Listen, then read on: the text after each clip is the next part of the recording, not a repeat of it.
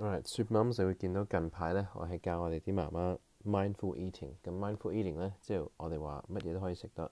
好似琴日我播咗個片俾大家睇，其實你咩都可以食。但係如果你食你中意嗰樣嘢，可能係薯片，會唔會你係成包食晒一次過，或者你係食少少，聽日再食少少，下日再食少少，冇爆溝嘅。但係如果你成包食晒，爆晒溝，或者你聽日又係好中意食雪糕，全部食晒，爆晒溝。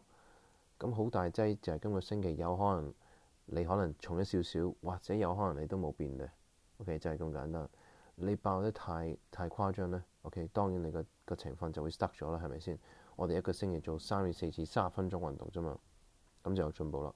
但如果你兩日咁樣連續爆卡咧，好大劑，你就會可能 stuck 咗喺度。今個星期或者可能重重咗少少，但係重咗少少呢個係短期嘅。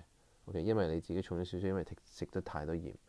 或者食咗太多 MSG，其實咁我想俾大家清楚啲，就係 make sure 你食咩都得，總之唔好爆 cal，唔好爆 cal。如果你喺七日裏面你想留低啲 calorie 咧，例如星期六日咧，啊你想食多啲得，但係你一至五咧，你就要識點樣可以留低啲 cal 啦。咁正常我已經教咗大家，但係如果你唔識咧，你可以再問翻我嘅。